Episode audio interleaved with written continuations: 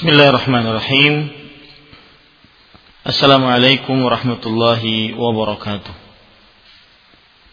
إن الحمد لله نحمده ونستعينه ونستغفره ونعوذ بالله من شرور أنفسنا وسيئات أعمالنا.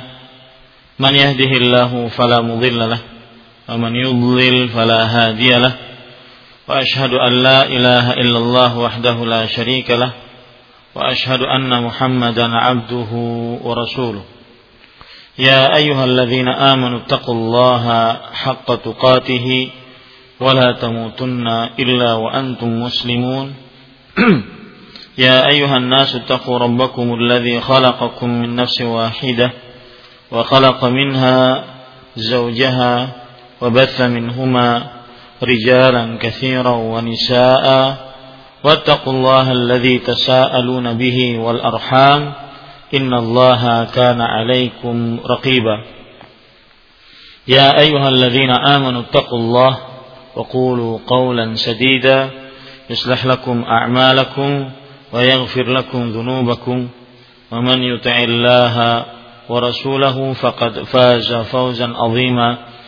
أما بعد فإن أصدق الحديث كتاب الله وخير الهدي هدي محمد صلى الله عليه وعلى آله وسلم وشر الأمور محدثاتها وكل محدثة بدعة وكل بدعة ضلالة وكل ضلالة في النار Alhamdulillah kita bersyukur pada Allah Subhanahu wa taala pada hari ini Selasa malam waktu Indonesia atau Selasa sore waktu Arab Saudi tanggal 23 Syaban 1434 Hijriah kita kembali duduk bersama mengkaji ayat-ayat suci Al-Qur'an ataupun hadis-hadis Rasul sallallahu alaihi wa ala alihi wasallam. Salawat dan salam semoga selalu Allah berikan kepada Nabi kita Muhammad sallallahu alaihi wa alihi wasallam pada keluarga beliau, para sahabat serta orang-orang yang mengikuti beliau sampai hari kiamat kelak. Dengan nama-nama Allah yang husna dan sifat-sifat yang ulia, saya berdoa semoga apa yang kita lakukan sekarang termasuk amal ibadah yang ikhlas dan diterima oleh Allah Subhanahu wa taala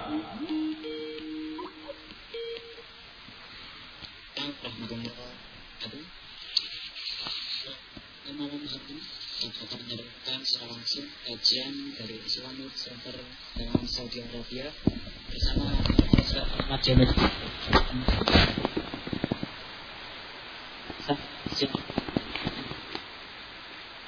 Berkah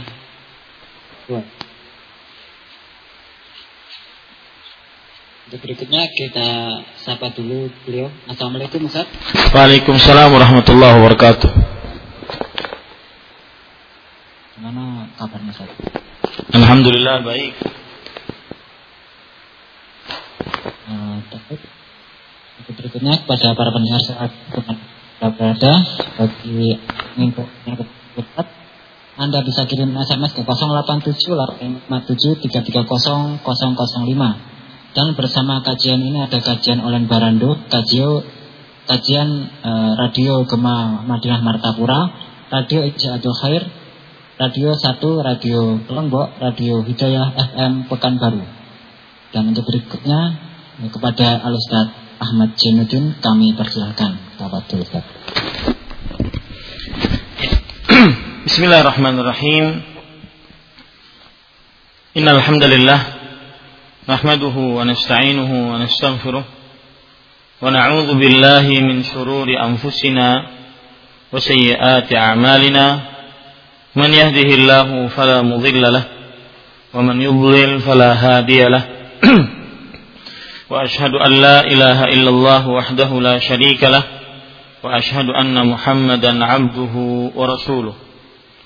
يا أيها الذين آمنوا اتقوا الله حق تقاته ولا تموتن إلا وأنتم مسلمون.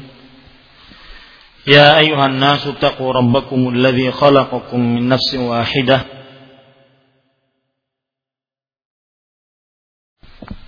وخلق منها زوجها وبث منهما رجالا كثيرا ونساء.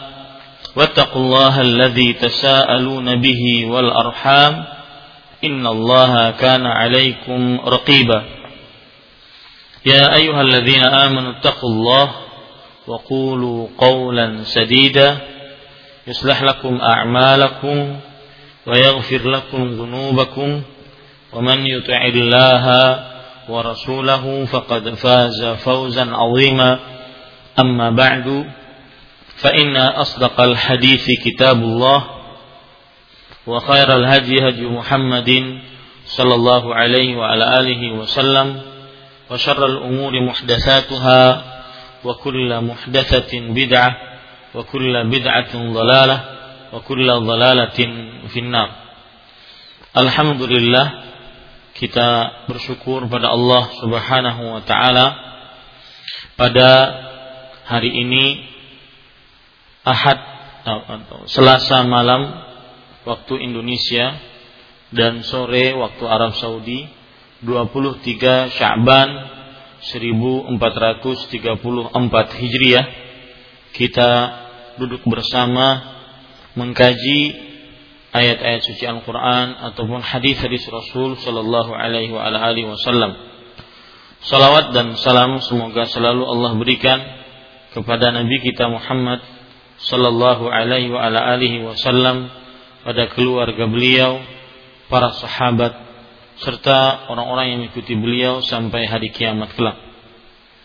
Dengan nama-nama Allah yang husna dan sifat-sifat yang ulia, saya berdoa Allahumma aslih lana dinana alladhi huwa ismatu amrina wa aslih lana dunyana allati fiha ma'ashuna wa aslih lana akhiratana allati fiha ma'aduna waj'alil hayata ziyadatan lana fi kulli khair waj'alil mauta rahatan lana min kulli syar wahai Allah perbaikilah urusan agama kami yang merupakan penjaga diri kami dan perbaikilah urusan dunia kami yang di dalamnya tempat tinggal kami.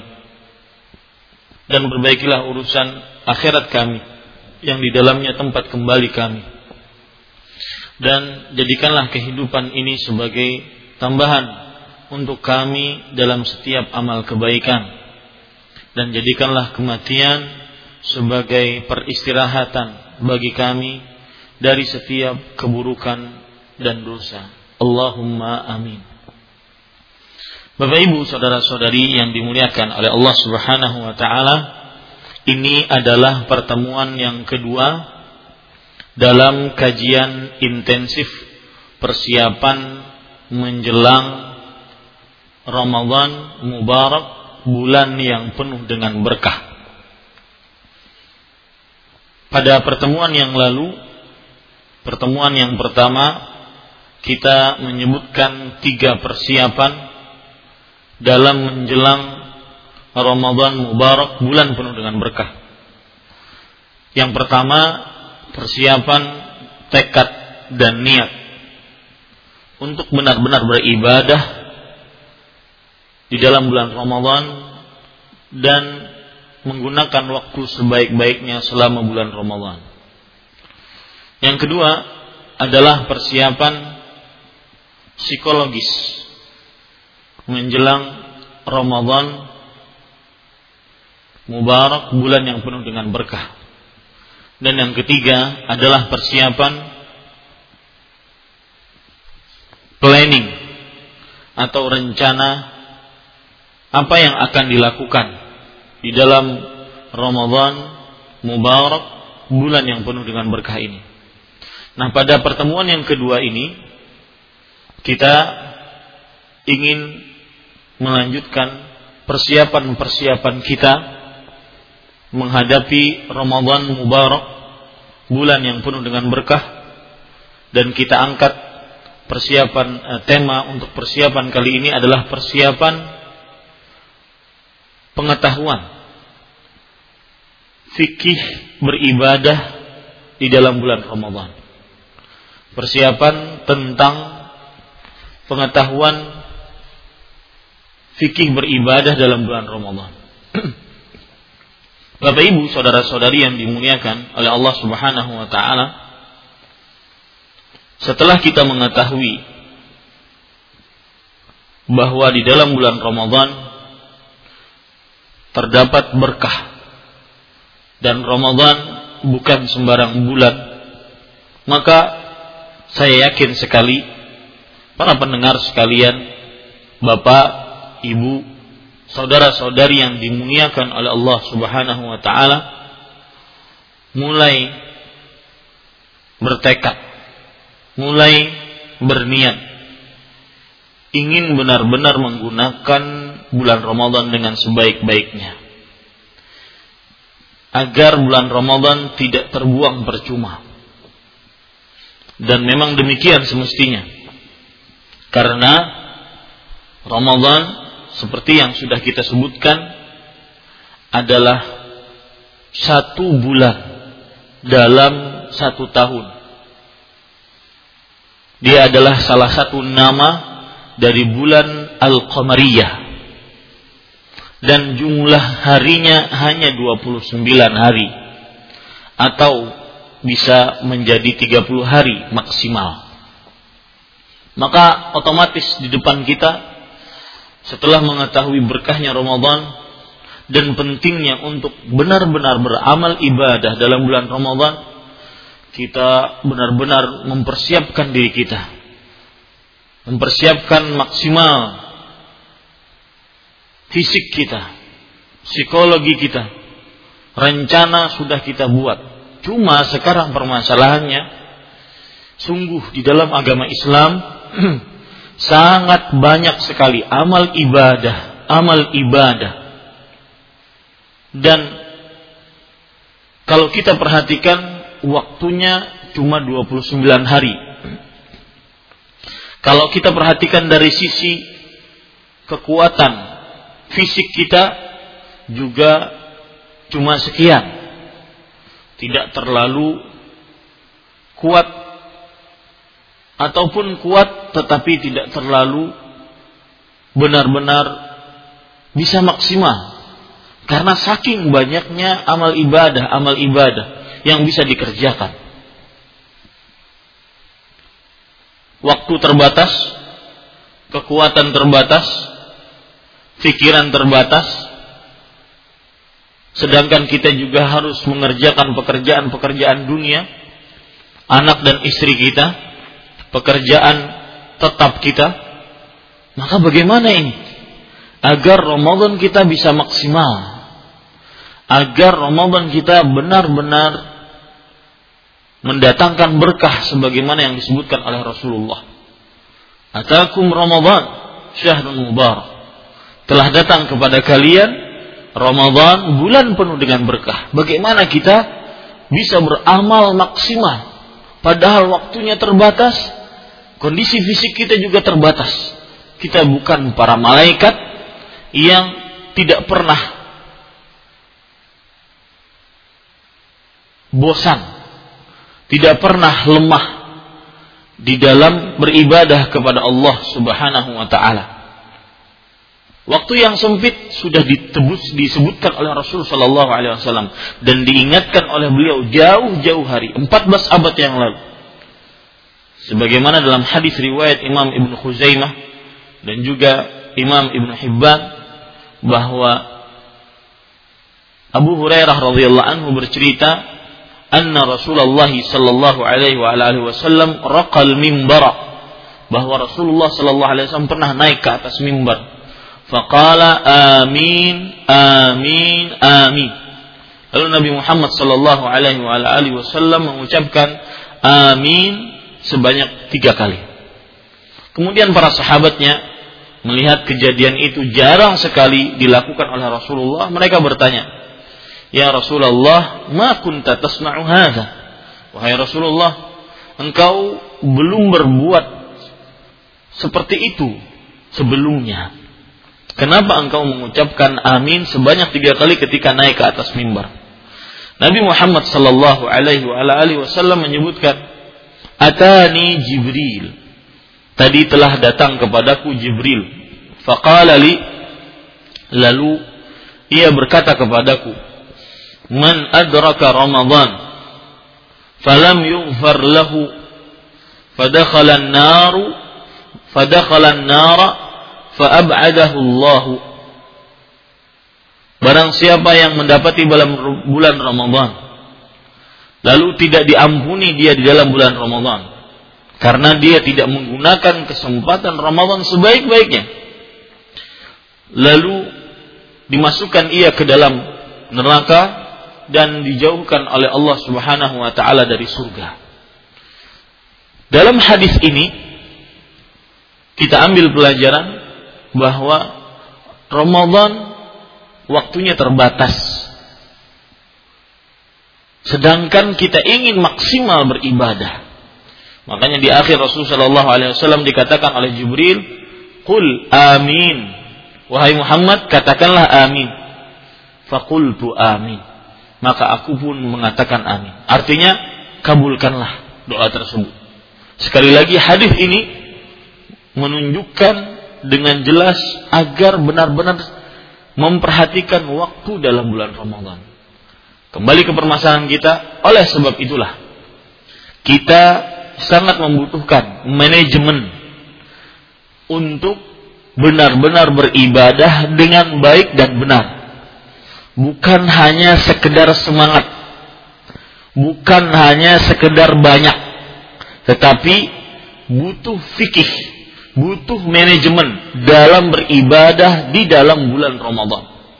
Sehingga apa yang kita inginkan dari keberkahan dalam bulan Ramadan kita bisa capai.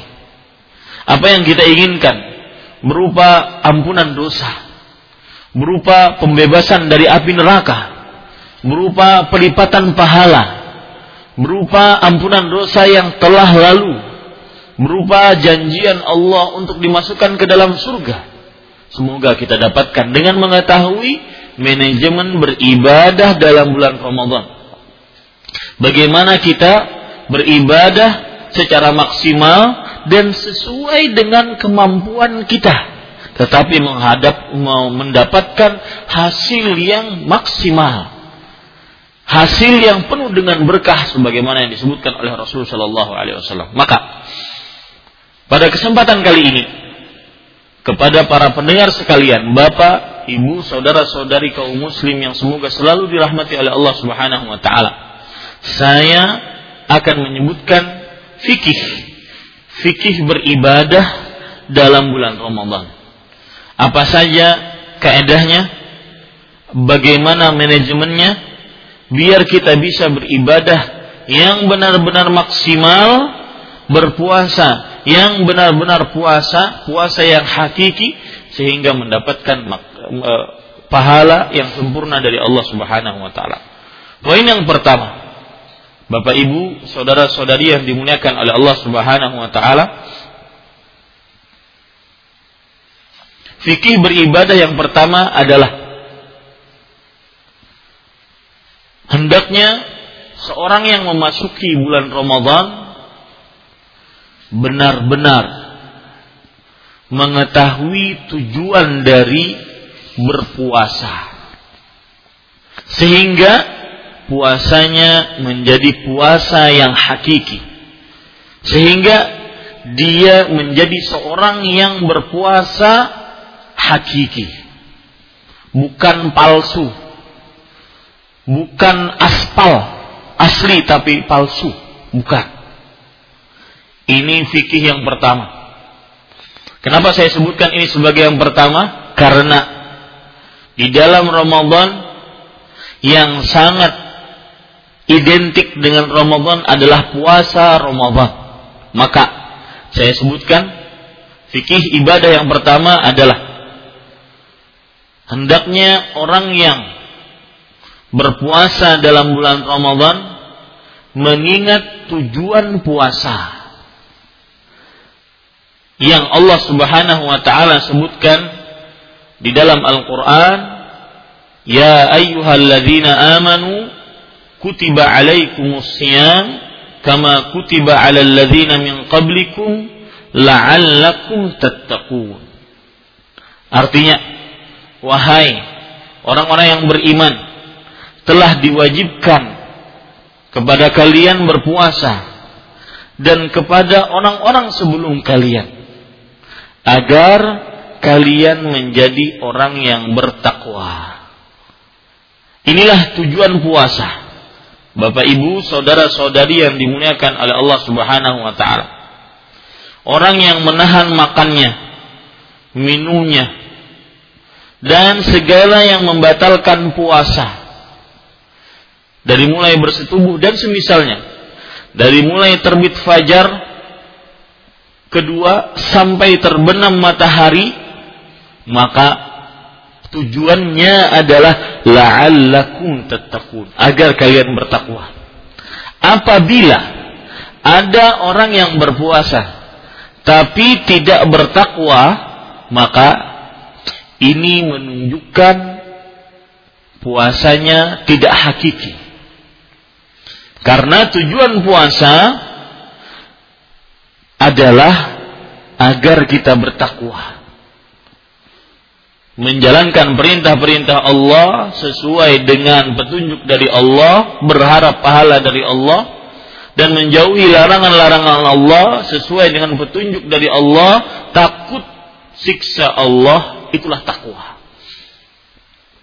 Apabila ada orang yang menahan makan, minum, bersetubuh dan seluruh yang membatalkan puasa. Dari mulai terbit fajar kedua sampai terbenam matahari.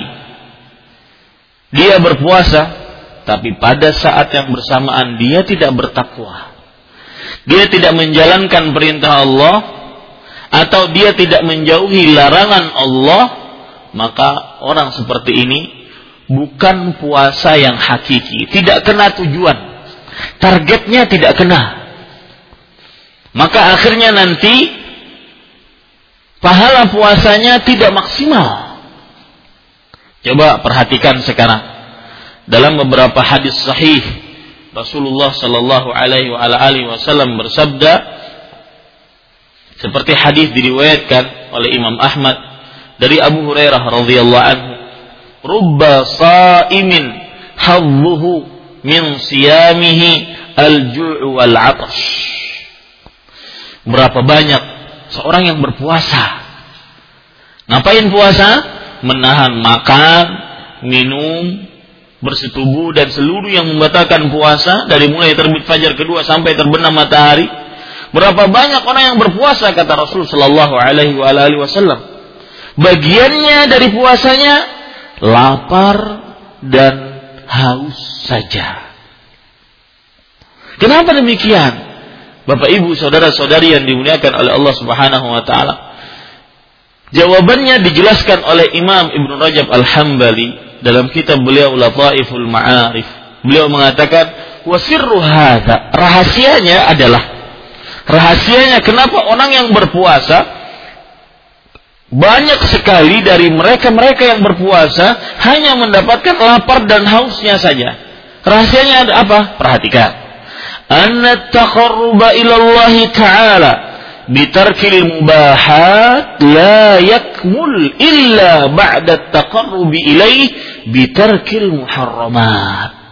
Barang siapa yang mendekatkan diri kepada Allah dengan meninggalkan hal-hal yang dihalalkan.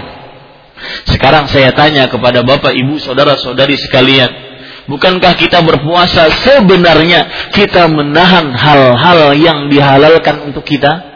Bukankah makan, minum, bersetubuh kepada pasangan yang sah resmi secara Islam itu halal?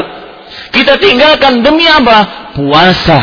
Demi apa? Mendekatkan diri kepada Allah Berarti sebenarnya kita puasa ini adalah meninggalkan hal-hal yang halal, hal-hal yang mubah untuk kita kerjakan. Karena kita ingin mendekatkan diri kepada Allah, kita tinggalkan itu. Karena kita ingin berpuasa, kita tinggalkan itu dari mulai terbit fajar kedua sampai terbenam matahari. Nah, meninggalkannya kita terhadap hal-hal yang mubah hal-hal yang dihalalkan itu tidak akan sempurna kata Ibnu Rajab Al-Hambali. La yakmul illa ba'da taqarrubi ilaih bitarkil muharramat. Tidak akan sempurna kecuali setelah mendekatkan diri kepada Allah dengan meninggalkan hal-hal yang diharamkan. Orang yang meninggalkan hal-hal yang mubah, makan, minum, bersetubuh, dan seluruh yang membatalkan puasa yang mubah-mubah, demi dia berpuasa, ia tidak akan sempurna. Kalau dia masih mengerjakan hal-hal yang diharamkan. Makanya tadi Rasul Shallallahu Alaihi Wasallam bersabda, "Rubba saimin hawluhu min siyamihi al-ju' wal atas." Berapa banyak orang yang berpuasa Bagian dari puasanya hanya lapar dan dahaga saja. Tidak ada nilai puasa. Kemudian ada permisalan yang disebutkan oleh Ibnu Rajab Al-Hambali. Bagi siapa yang berpuasa, menahan hal-hal yang dihalalkan, dimubahkan, tapi masih mengerjakan hal-hal yang diharamkan. Kata beliau, permisalannya, "Faman irtaqabal muharramati thumma taqarraba ila Allah ta'ala bitarkil mubahati kana bimathabati man yatrukul fara'idha." wa yataqarrabu bin nawafil subhanallah. Kata saya kata beliau maka barang siapa yang melakukan hal-hal yang diharamkan dosa dan maksiat kemudian ia mendekatkan diri kepada Allah Subhanahu wa taala dengan meninggalkan hal-hal yang dihalalkan dia puasa menahan makan minum tapi masih maksiat. Kata beliau perumpamaannya adalah seperti siapa yang seperti seorang yang meninggalkan hal-hal yang wajib dan mengerjakan hal-hal yang sunnah. Apa ada manfaatnya? Gak ada. Orang yang sholat tarawih tapi nggak sholat subuh, ada manfaatnya? Gak ada manfaatnya. Mendingan sekalian dia nggak usah sholat tarawih daripada dia nggak subuh. Ini Bapak Ibu, saudara-saudari harus diperhatikan benar-benar tujuan dari puasa. Sehingga kita benar-benar puasa hakiki. Berpuasa yang sebenar-benarnya puasa. Tidak sekedar menahan makan, minum, bahkan di dalam beberapa hadis sahih Rasulullah Shallallahu Alaihi Wasallam mencela Orang yang cuma menahan makan dan minum, tetapi tidak menahan hal-hal yang diharamkan. Coba perhatikan dalam hadis riwayat Bukhari, Nabi Muhammad sallallahu alaihi wasallam bersabda, "Man lam yada' qaula zuri wal 'amala bihi, falaysa lillahi hajatun fi an yad'a ta'amahu wa syarabah." Barang siapa yang tidak meninggalkan perkataan zur, yaitu dusta, Puasa-puasa masih dusta. Puasa-puasa masih nipu. Puasa-puasa masih memalsukan. Masih mengoplos. Apalagi ini bulan Ramadan. Bulan orang-orang banyak makan katanya. Padahal sebenarnya harus sedikit jumlah makan dan minumnya. Apa pun demi menghasilkan uang dia kerjakan. Entah itu dengan cara menipu, entah itu dengan cara mengoplos makanan-makanan yang dikonsumsi oleh kaum muslim, subhanallah. Dia nggak peduli. Ya, barang siapa yang tidak meninggalkan perkataan dusta dan perbuatannya, maka apa yang terjadi? Falaisa lillahi hajah fi an yad'a ta'amahu wa syarabah. Maka Allah nggak perlu dia meninggalkan makan dan minumnya. Artinya nggak manfaat. Al-Hafidh Ibnu Hajar Al-Asqalani dalam kitab beliau Fathul Bari mengatakan wal muradu bizuri al-kadzibu wal muradu bil jahli was safahi wal amali bihi ay bi muqtadahu. Artinya yang dimaksudkan dengan zur adalah dusta. Memberitahukan sesuatu yang tidak sesuai dengan hakikatnya. Dan yang dimaksudkan dengan jahal dan kebodohan adalah hal-hal yang berkonsekuensi terhadap dusta tersebut. Ini para ikhwah yang dirahmati oleh Allah Subhanahu wa taala enggak manfaat. Coba perhatikan hadis yang lain. Rasulullah Shallallahu Alaihi Wasallam bersabda dalam hadis yang diriwayatkan oleh Imam Ibnu Khuzaimah dari Abu Hurairah radhiyallahu anhu, "Laisa siyam min al-akli wa syurb, innama siyam min al-laghwi war-rafath." Fa in sabbaka ahadun aw jahila 'alaika faltaqul inni saim inni saim. Artinya, bukanlah berpuasa hanya dari menahan makan dan minum. Sesungguhnya puasa adalah hanya menahan perkataan sia-sia dan perkataan rafas. Apa arti rafas? Dijelaskan oleh para ulama di antaranya Al-Hafidh Ibnu Hajar dalam kitab beliau Fathul Bari, Ar-rafathu al-kalamul fahish wa huwa yutlaqu ala hadha wa ala al-jima' wa ala muqaddimatihi wa ala dzikrihi minan nisa. Ay au mutlaqan ay dzikruhu ma'an nisa wa ghairuhun wa ghairihinna. Artinya rafas adalah perkataan yang fahish yang keji dan jika diucapkan dia adalah maksudnya semua perkataan keji kotor dan lebih cenderung kepada perbuatan persetubuhan. Dan segala pembicaraan yang berkaitan dengan muqaddimah permulaan dari persetubuhan atau segala yang berkaitan dengan penyebutan perempuan atau tanpa penyebutan perempuan. Intinya, rafas adalah pembicaraan yang berkaitan sahwat seorang lelaki kepada perempuan atau sebaliknya puasa-puasa masih membicarakan perkara syahwat. Puasa-puasa masih membicarakan hal-hal yang berkaitan dengan hawa nafsu, kemaluan dan sekitarnya. Puasa-puasa masih membicarakan tentang kemolekan tubuh perempuan. Puasa-puasa masih membicarakan tentang bagian-bagian vital dari tubuh perempuan. Ini, ma kata orang Arab di sini, maafis faedah Nggak ada faedah di sini. Puasanya nggak manfaat karena tidak bertakwa. Ini para ikhwah yang dirahmati oleh Allah Subhanahu wa taala.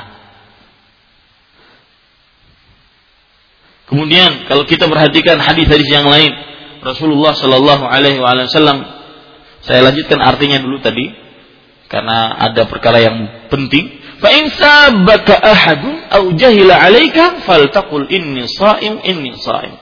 Kalau seandainya ada seorang yang mencelamu, yang menghinamu, atau berbuat yang tidak semena-mena terhadapmu, maka katakanlah, saya sedang puasa. Maaf, saya sedang puasa.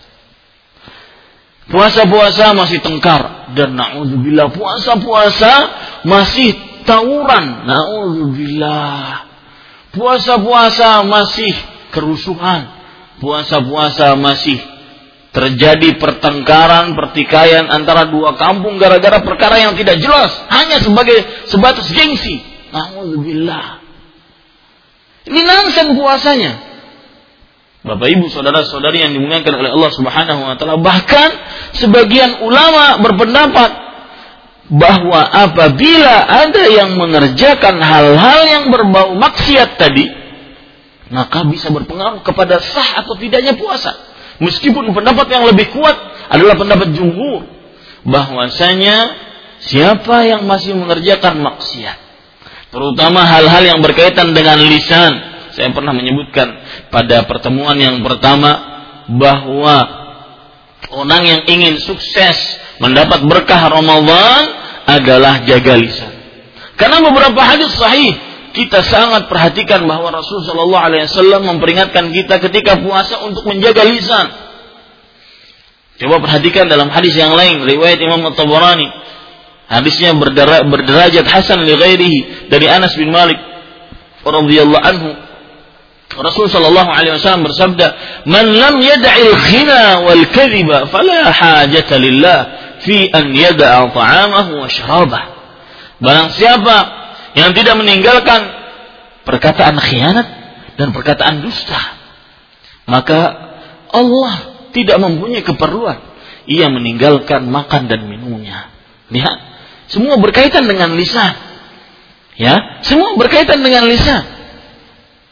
Dalam hadis yang lain, hadis yang diriwayatkan oleh Imam Ibnu Hibban, Rasulullah sallallahu alaihi wasallam bersabda, "Inna siyama laisa minal akli wa syurbi faqat, innama siyamu minal lagwi war rafath." Sesungguhnya puasa bukan hanya dari makan dan minum saja. Tetapi puasa adalah menahan dari perkataan yang sia-sia dan perkataan rafath. Oleh sebab inilah terdapat dari perkataan-perkataan ulama-ulama terdahulu dari mulai para sahabat Nabi radhiyallahu anhu bagaimana sebenarnya puasa yang hakiki yang melaksanakan tujuan dari puasa. Lihat di dalam kitab Syu'abul Iman Abu Dzar radhiyallahu anhu seorang sahabat Rasulullah berkata, "Idza sumta fatahfadha mastata'ta." Artinya, jika engkau berpuasa, maka jaga puasamu semampumu. Jaga puasamu semampumu. Ini Bapak Ibu. Yang kemudian yang meriwayatkan perkataan Abu Dzar ini yaitu seorang tabi Taliq ibn Qais diceritakan fakana Taliqun idza kana yaum sawmi dakhala falam yakhruj illa lis-salah. Taliq Ibn Qais rahimahullah seorang tabi yang meriwayatkan perkataan Abu Dhar tadi jika beliau pada hari itu berpuasa beliau masuk rumah tidak keluar kecuali untuk sholat. Untuk menjaga apa?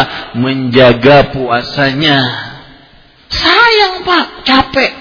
Apalagi kami di sini sekarang di Arab Saudi berpuasa pada bulan ini dan ini mudah-mudahan semoga Allah Subhanahu wa taala menginginkan pahala yang banyak untuk orang-orang di sini. Karena berpuasa dalam keadaan yang begitu panas di tengah-tengah musim panas. Hari ini saja ya banyak sekali e, akibat saking panasnya banyak sekali listrik-listrik di beberapa e, gedung dan kantor mati. Saking panasnya. Kadang-kadang sampai 45 derajat Celcius, kadang-kadang sampai 48 derajat Celcius, tidak sedikit kita mendapati 50 derajat Celcius.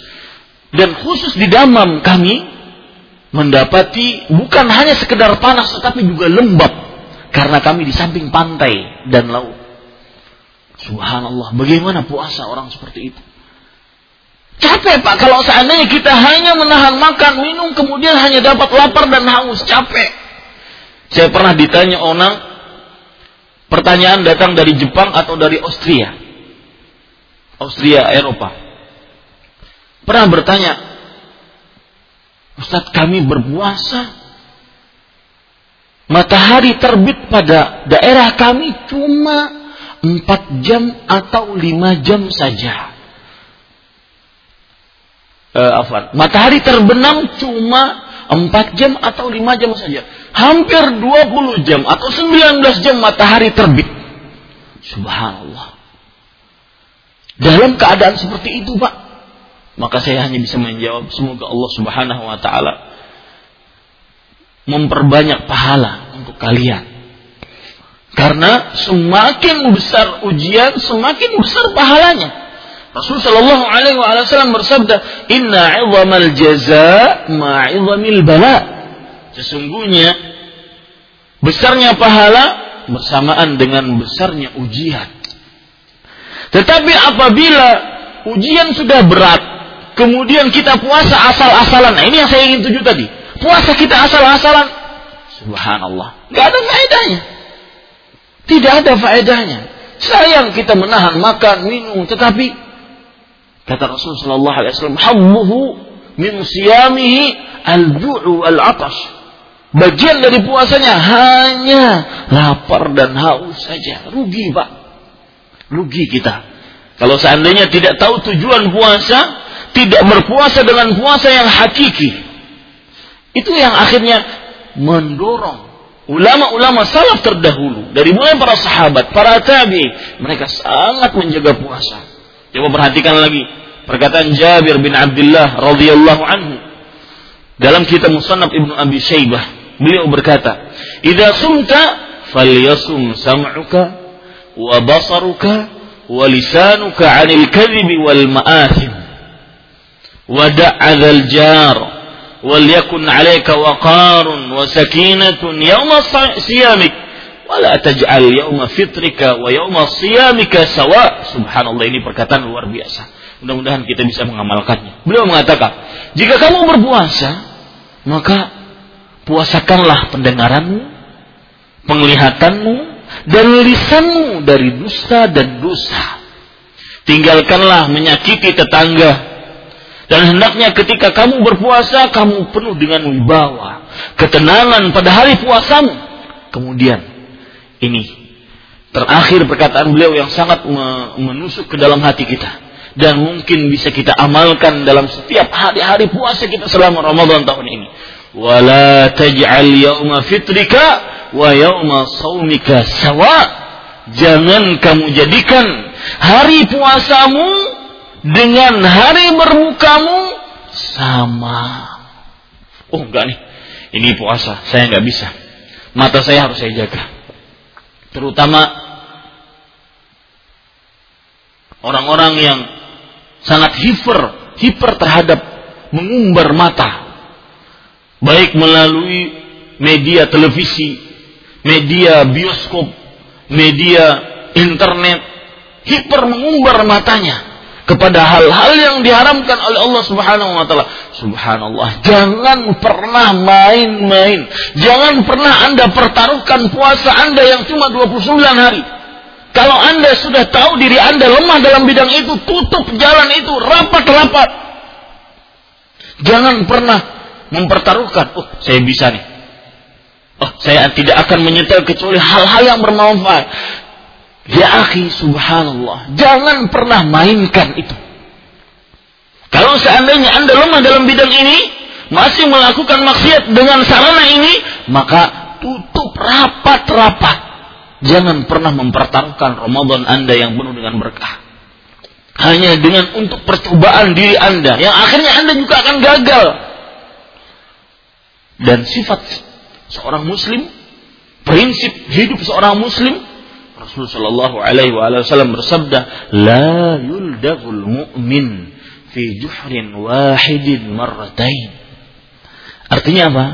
Seorang yang beriman tidak akan masuk ke dalam lubang yang sama dua kali. Coba perhatikan lagi sebuah riwayat dalam kitab Hilyatul Aulia. Abu Hurairah radhiyallahu anhu dan juga para sahabat beliau, "Idza samu qa'adu fil masjid. Mereka kalau sedang berpuasa, mereka duduk di masjid. Karena masjid memang makanya Rasulullah SAW ada ada hal ada syariat i'tikaf. Karena masjid memang sebuah tempat yang paling kondusif untuk mendekatkan diri kepada Allah Subhanahu wa taala. Tidak salah Rasulullah sallallahu alaihi wasallam bersabda, "Ahabbul biladi ila Allah masajiduha." Daerah tempat yang paling disukai oleh Allah adalah masjid-masjidnya. Makanya Abu Hurairah dan para sahabatnya, "Idza samu qa'adu fil masjid." Qalu, lihat alasan mereka, argumen mereka dan setiap perbuatan senantiasa ada motivasi. Kenapa Anda melakukan itu? Karena ada motivasinya. Abu Hurairah radhiyallahu anhu dan para sahabatnya, kenapa ketika mereka berpuasa mereka duduk di masjid. Apa motivasinya? Mereka mengatakan, Mutahhiru siyamana. Kami mensucikan puasa kami. Bukan sekedar hanya menahan makan, minum, dan seluruh yang membatalkan puasa. Ini Bapak Ibu, saudara-saudari yang dimuliakan oleh Allah Subhanahu wa taala. Kita tidak ingin masuk kepada derajat puasa yang paling rendah sebagaimana yang dikatakan oleh Ja'far Beliau meriwayatkan dari Maimun radhiyallahu anhu di dalam kitab Musannaf Ibnu Syaibah, Maimun radhiyallahu anhu mengatakan inna ahwana shaumi tarku ta'ami wasyarabi. Sesungguhnya puasa yang paling rendah derajatnya hanya meninggalkan makan dan minum. Artinya orang yang belum balik, orang yang belum paham betul pun tentang puasa dan tujuannya bisa melaksanakan itu. Ini para ikhwah yang dirahmati oleh Allah Subhanahu wa taala. Kemudian Bapak Ibu saudara-saudari yang dimuliakan oleh Allah Subhanahu wa taala, ada perkataan menarik juga yang dikatakan oleh Abu Aliyah. rahimahullah taala dalam kitab Musannaf Ibnu Abi Syaibah beliau mengatakan as-saimu fi ibadah. Seorang yang berpuasa senantiasa selalu dalam ibadah apa pun yang dia kerjakan karena dia sedang berpuasa.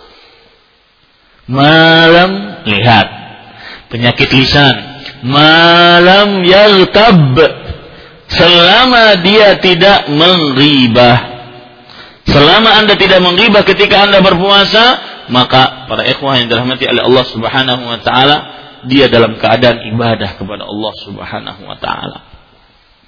Sekali lagi, tujuan puasa agar kita bertakwa. Dan berpuasalah dengan puasa yang hakiki, yaitu seorang yang tidak hanya menahan makan dan minum, tetapi juga menahan hal-hal yang diharamkan.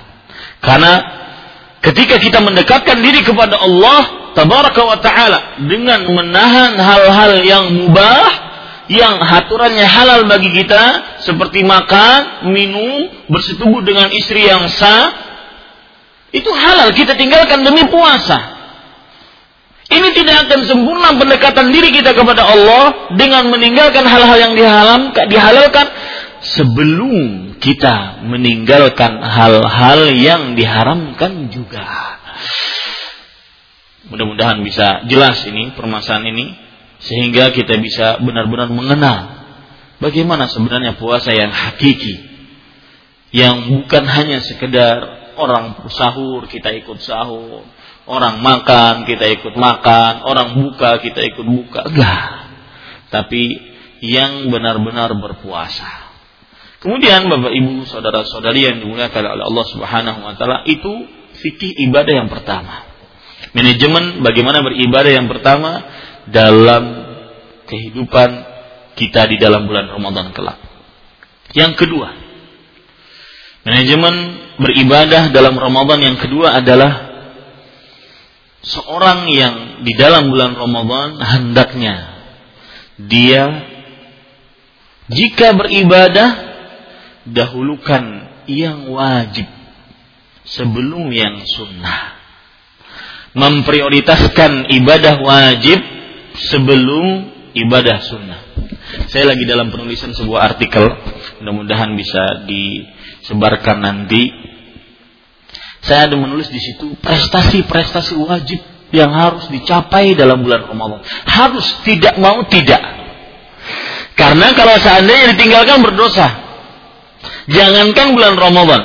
Di dalam bulan-bulan yang lain saja, kalau prestasi itu ditinggalkan akan berdosa. Apalagi dalam bulan Ramadan. Ya, prestasi-prestasi wajib yang harus dicapai dalam bulan Ramadan. Dan ini termasuk planning. Di sana ada lagi prestasi-prestasi sunnah yang dianjurkan untuk dicapai bulan Ramadan. Sehingga kita terfokus pada sebuah target. Yang dengan target tersebut berarti kita mempunyai niat yang kuat. Dan kalau sudah mempunyai azm, tekad yang kuat, Allah Subhanahu wa taala berfirman, "Fa idza azamta fatawakkal 'ala Allah." Jika engkau mempunyai tekad yang kuat, maka bertawakallah kepada Allah Subhanahu wa taala. Sekali lagi Bapak Ibu, jangan pernah main-main dalam bulan Ramadan. Harus butuh persiapan. Ya. Di sana ada amalan-amalan wajib yang harus lebih didahulukan dibandingkan amalan-amalan sunnah. Jangan sampai kita memperhatikan amalan-amalan sunnah, ternyata amalan wajibnya terbengkalai. Amalan wajibnya diremehkan. Ini bertentangan dengan hadis Qudsi dalam riwayat Bukhari. Allah Subhanahu wa taala berfirman, "Wa ma taqarraba ilayya 'abdi bisyai'in ahabbu ilayya mimma aftaradtuhu alaihi. Wa ma yazalu 'abdi yataqarrabu ilayya bin nawafil hatta uhibbah. Dan tidaklah hambaku mendekatkan dirinya kepadaku dengan sesuatu yang paling aku cintai dari apa-apa yang telah aku wajibkan atasnya. Hadis ini menunjukkan bahwasanya seorang yang ingin mendekatkan diri kepada Allah ingin memperbanyak ibadah kepada Allah Subhanahu wa taala, maka dia harus memperhatikan kaidah dahulukan yang wajib karena itu yang paling dicintai oleh Allah Subhanahu wa taala sebelum mengerjakan yang sunnah. Ini Bapak Ibu, saudara-saudari yang dimuliakan oleh Allah Subhanahu wa taala. Ingin contoh konkretnya? Perhatikan. Seorang kadang-kadang terlalu semangat untuk memperhatikan sholat tarawih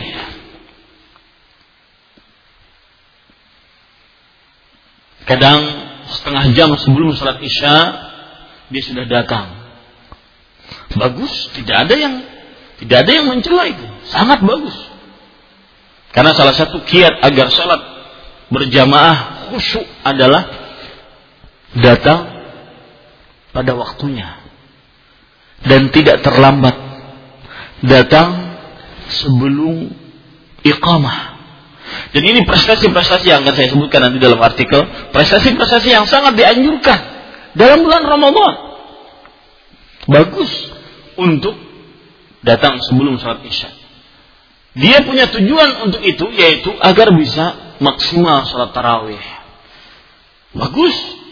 Kenapa? Karena dengan mengerjakan itu dia dia akan me, melaksanakan sabda Rasul Shallallahu Alaihi Wasallam yang berbunyi man qama ma'al imam hatta yang sarifa lailah barang siapa yang sholat bersama imam yaitu sholat tarawih sampai selesai imam.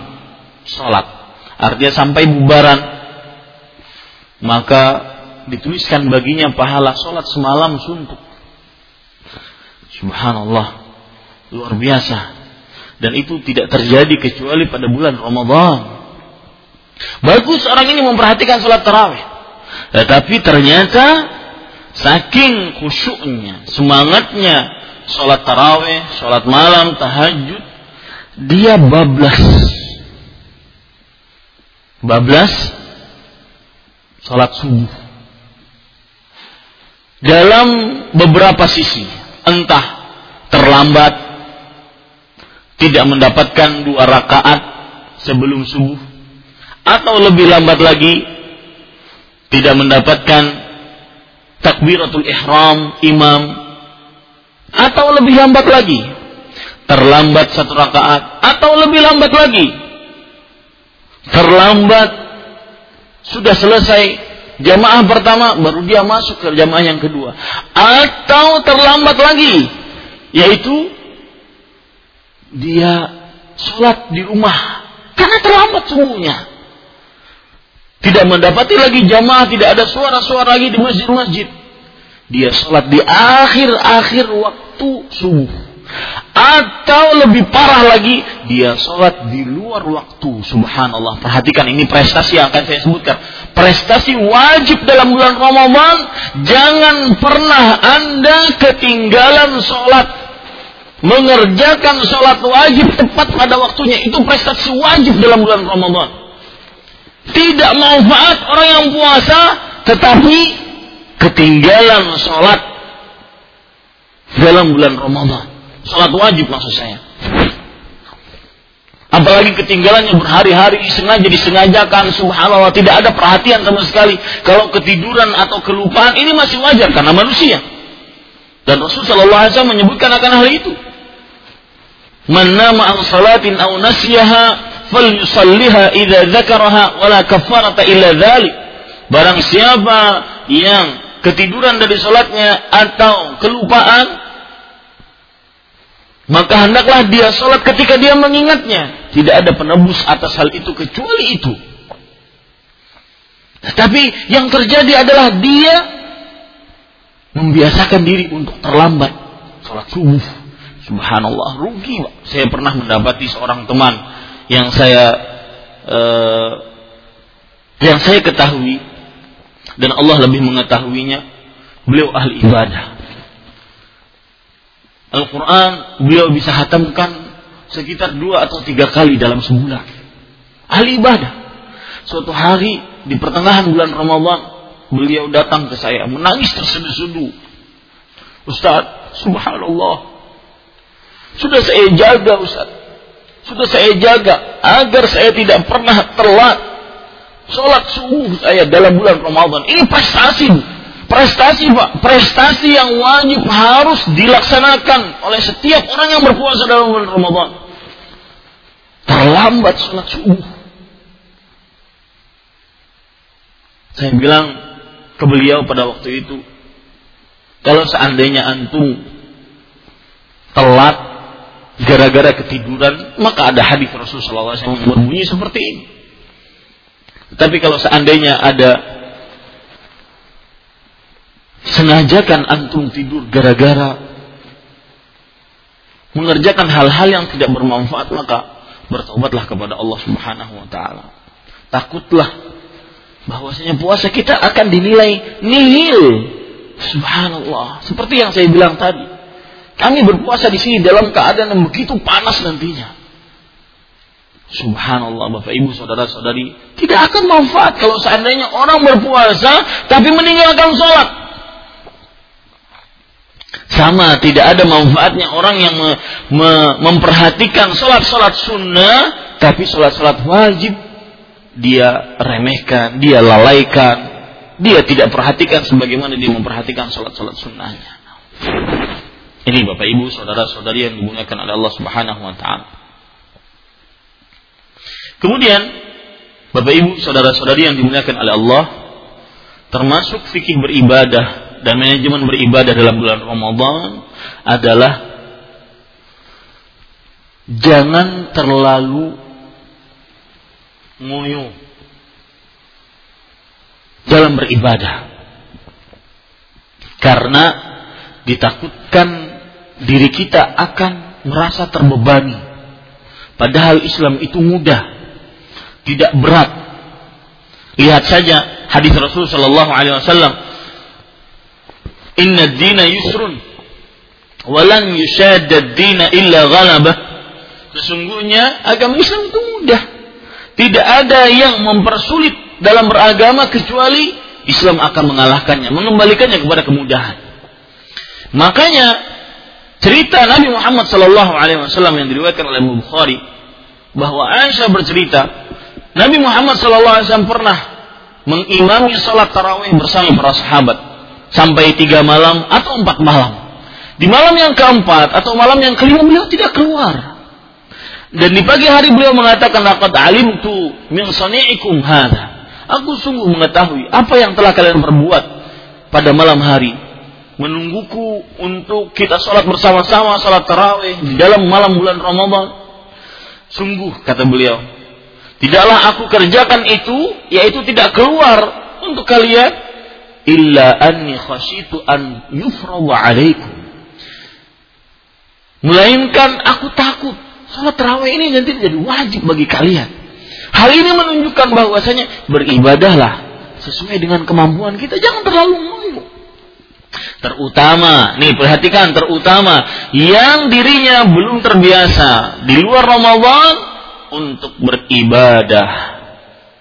Belum terbiasa untuk sholat berjamaah. Belum terbiasa untuk menghadiri sholat berjamaah, menghadiri sholat wajib di masjid, khususnya bagi laki-laki. Belum terbiasa untuk banyak membaca Al-Quran. Belum terbiasa untuk meluangkan waktu lebih berinteraksi dengan Al-Quran, belum terbiasa untuk mengeluarkan sedekah, memberi makan kepada fakir miskin. Ini butuh kebiasaan. Kalau kita genjot pertama-tama dan terlalu ekstrim pertama-tama, maka ditakutkan akan terputus. Oleh sebab itulah banyak hadis hadis Rasulullah Shallallahu Alaihi Wasallam yang menunjukkan hendaknya beramal sesuai dengan kemampuan. Yang penting kontinu terus menerus, meskipun sedikit. Coba perhatikan dalam hadis riwayat uh, Imam Bukhari dari Aisyah radhiyallahu anha Nabi Muhammad sallallahu alaihi wasallam bersabda saddidu wa qaribu artinya selalu bersikap benarlah dan selalu berusahalah untuk beramal. Wa an ahabbal a'mal adwamuha ilallah wa in qalla Amalan yang paling dicintai oleh Allah adalah yang dikerjakan terus-menerus meskipun sedikit. Kemudian dalam hadis riwayat yang lain Aisyah bercerita anna Nabi sallallahu alaihi wa alihi wasallam dakhala 'alaiha wa 'indaha imra'atun. Pernah Aisyah digilir oleh Rasul sallallahu alaihi wasallam pada waktu itu Rasulullah sallallahu alaihi wasallam masuk ke rumah Aisyah dan dalam rumah Aisyah, Aisyah radhiyallahu anha ada seorang perempuan. Kemudian Nabi Muhammad sallallahu alaihi wasallam bersabda, "Man hadhihi?" Siapa perempuan tersebut wahai Aisyah? Lalu Aisyah menjawab, "Qalat fulanah tadhkuru min salatiha si fulana wahai Rasulullah. Dia itu ahli salat wahai Rasulullah. Banyak salatnya kata Rasul sallallahu alaihi wasallam mah alaikum bima tutiqun fa wallahi la yamallu Allah hatta tamallu Apaan kata Rasul sallallahu alaihi wasallam? Hendaknya kalian beramal sesuai dengan kemampuan kalian. Demi Allah, Allah tidak akan bosan sampai kalian bosan. Kemudian Aisyah bercerita, "Wa kana ahabbad din ilaihi ma dama alaihi sahibuhu." Dan agama yang paling beliau sukai, amalan yang paling beliau sukai adalah yang senantiasa pelakunya mengerjakan terus-menerus. Dan subhanallah Bapak Ibu saudara-saudari, faedah dari orang yang istiqamah maka diharapkan dia mendapatkan husnul khatimah. Bersyukurlah yang mendapat hidayah dari kemaksiatan menuju hidayah. Bersyukurlah yang mantan non muslim sekarang menjadi muslim. Bersyukurlah yang mantan ahli maksiat sekarang menjadi ahli taat Bersyukurlah yang mantan orang-orang tidak soleh sekarang menjadi orang-orang soleh. Setelah itu berdoa agar senantiasa istiqomah. Karena istiqomah adalah salah satu ciri dan kiat seseorang agar mendapatkan husnul khatimah. Kenapa demikian? Karena Rasulullah Shallallahu Alaihi Wasallam bersabda, Innamal a'malu bil khawatim. Sesungguhnya amalan-amalan ukurannya adalah akhirnya. Yang diukur apakah mantan muslim atau mantan kafir? Yang diukur adalah mantan muslim dan juga mantan kafir. Artinya amalan akhirnya yang akan dihisap oleh Allah Subhanahu wa taala. Entah dia dari kemaksiatan menuju hidayah atau dari hidayah menuju kemaksiatan. Yang diukur adalah akhirnya. Innamal a'malu bil khawatim. Nah, ini Bapak Ibu, saudara-saudari yang dimuliakan oleh Allah, fikih beribadah yang ketiga. Fikih beribadah yang keempat dan ini yang paling penting juga, yaitu berpuasalah, baca Quranlah, bersedekahlah, dan beramal ibadahlah dalam bulan Ramadan sesuai dengan ajaran Rasulullah Sallallahu Alaihi Wasallam. Karena amalan yang tidak sesuai dengan ajaran Rasulullah, betapapun baiknya niat kita, betapapun agungnya niat kita, betapapun banyaknya pekerjaan yang kita lakukan, kalau tidak sesuai, maka tetap ditolak oleh Allah Subhanahu wa taala dalam sebuah hadis yang diriwayatkan oleh Imam Muslim Rasulullah Shallallahu Alaihi Wasallam bersabda man amila amalan laisa alaihi amruna fahuwa rad barang siapa yang beramal yang tidak ada contohnya dari kami maka amalannya tertolak. Dan ini perkara agama bukan perkara dunia bukan perkara alat-alat transportasi alat-alat komunikasi alat-alat baju bukan tetapi perkara agama. Barang siapa yang beramal yang ada indikasi ibadah di dalamnya yang tidak ada contohnya dari kami, maka amalannya tertolak. Oleh sebab itulah para ikhwan yang dirahmati oleh Allah, insya Allah minggu depan, hari Selasa depan masih kita dapati sebelum memasuki bulan Ramadan, kita akan berbicara tentang fikih atau persiapan pengetahuan tentang permasalahan-permasalahan seputar puasa dan Ramadan. Dari mulai sahur, ketika sedang berpuasa, ketika sedang berbuka, tentang sholat tarawih, tentang Allah Ramadan, tentang batal puasa, tentang hal-hal apa saja yang berkaitan dengan Ramadan.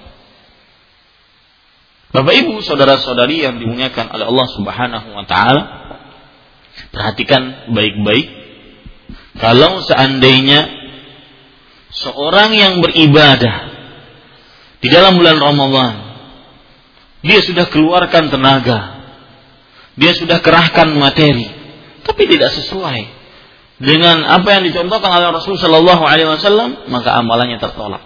Dan saya ingin menyebutkan di sini, tidak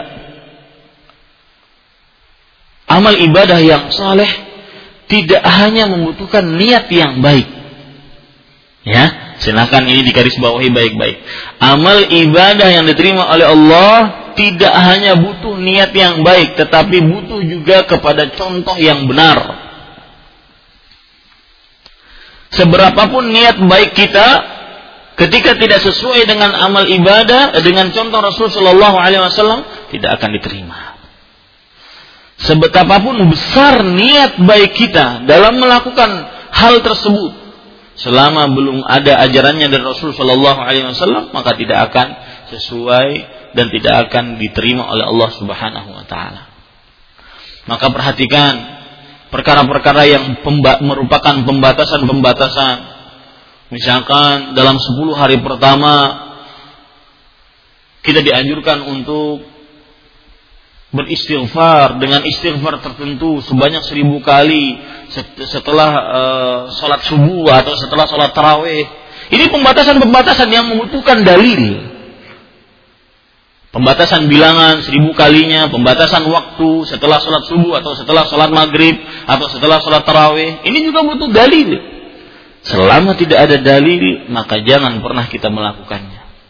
Kalau itu baik, niscaya Rasul Shallallahu Alaihi Wasallam akan melaksanakannya. Kemudian Bapak Ibu saudara-saudari yang dimuliakan oleh Allah Subhanahu wa taala fikih dan manajemen beribadah dalam bulan Ramadan yang lain adalah perhatikan kualitas ibadah. Bukan hanya sekedar beribadah. Bukan hanya sekedar memperbanyak ibadah, tetapi kualitas.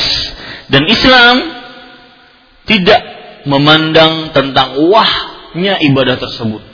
Tentang wah ramenya ibadah tersebut. Tidak. Tapi Islam memandang kualitas ibadah tersebut Apakah dikerjakan benar-benar ikhlas dan sesuai dengan contoh Rasul Shallallahu Alaihi Wasallam. Dan ini perintah dari Rasul Shallallahu Alaihi Wasallam. Coba perhatikan dalam sebuah hadis dari Aisyah radhiyallahu anha, Rasul Shallallahu Alaihi Wasallam bersabda, Inna yuhibbu idza amila ahadukum amalan an yutqinahu. Sesungguhnya Allah mencintai. Jika salah seorang dari kalian melakukan amal ibadah hendaklah dia mengitkannya yaitu mengerjakannya dengan teliti dengan maksimal dengan penuh e, perhatian. Itu maksudnya itkan maka tidak heran setelah ini kita membaca perkataan-perkataan para ulama tentang bagaimana memperhatikan agar amal ibadah tersebut bukan hanya sekedar mengerjakan yang puasa banyak yang bersedekah banyak bulan Ramadan, yang baca Al-Quran hatam setiap tiga hari sekali, setiap lima hari sekali, setiap enam hari sekali, banyak. Tetapi yang paling diperhatikan adalah apakah amal ibadah tersebut diterima oleh Allah Subhanahu wa taala. Dan tentunya syarat amal ibadah diterima adalah dua. Ikhlas hanya karena Allah Subhanahu wa taala dan sesuai dengan petunjuk Rasul sallallahu alaihi wasallam. Lihat perkataan Ali bin Abi Thalib radhiyallahu anhu. Beliau berkata, "Kunu li qabulil amal ashadda ihtimaman minkum bil amal." Alam tasma'u Allah azza wa jalla yaqul, "Innama yataqabbalu Allahu minal muttaqin." Bersikaplah untuk diterimanya amal lebih perhatian dibandingkan beramal. Bukankah kalian mendengar Allah azza wa jalla berfirman, sesungguhnya Allah hanya menerima menerima dari orang-orang yang bertakwa. Bapak Ibu, saudara-saudari yang dimuliakan oleh Allah Subhanahu wa taala, Ibnu Dinar rahimahullah taala pernah berkata, "Al khawfu 'ala al-amal alla yutaqabbalu ashaddu minal amal." Takut amalan tidak diterima lebih dahsyat dibandingkan beramal itu sendiri. Jangan kalau sudah banyak beribadah, sholat malamnya luar biasa dalam bulan Ramadan nantinya bersedekahnya, membukakan puasa luar biasa dalam bulan Ramadan nantinya. Baca Al-Qur'annya luar biasa juga. Jangan kemudian terlalu percaya diri. Tetapi berharaplah kepada Allah dan juga dibarengi dengan takut. Berharap agar amal diterima dan takut tidak diterima. Coba perhatikan perkataan Ibnu Aun, Yahya Ibnu Aun rahimahullah beliau mengatakan, "La tasik bi kasratil amal." fa la tadri akubilta am la. Jangan terlalu percaya diri dengan banyaknya amal perbuatan. Kamu tidak tahu apakah amalmu diterima atau tidak. Wa ta'man dzunubaka fa innaka la tadri akufirta anhu am la. Dan jangan ter, merasa terlalu aman dengan dosa-dosamu. Sesungguhnya engkau tidak tahu apakah dosamu tersebut diampuni dosanya atau tidak. Fa innaha mughayyabun 'indak. Sesungguhnya hal itu gaib bagimu. Apakah Allah menerima? Apakah Allah mengampuni? Itu adalah hal gaib bagi kita. Yang ada adalah kita berharap agar diterima dan kita takut untuk tidak terima amal ibadah kita. Para yang dirahmati oleh Allah Subhanahu wa taala kemudian termasuk fikih beribadah dan manajemen beribadah dalam bulan Ramadan juga adalah memperhatikan amalan-amalan yang sangat dianjurkan dalam bulan Ramadan. Yang apabila kita kerjakan maka akan berpengaruh pada kadang pahala puasa Ramadan tersebut. Atau apabila kita kerjakan kita akan mendapatkan pahala dalam bulan Ramadan yang begitu besar. Di antara amal ibadah amal ibadah yang sangat ditekankan dalam bulan Ramadan adalah mendirikan sholat lima waktu. Nah ini perhatikan. Jangan sampai seperti yang saya katakan tadi. Prestasi wajib yang harus dicapai dalam bulan Ramadan. Tidak bisa tidak. Kalau tidak dicapai berdosa. Yaitu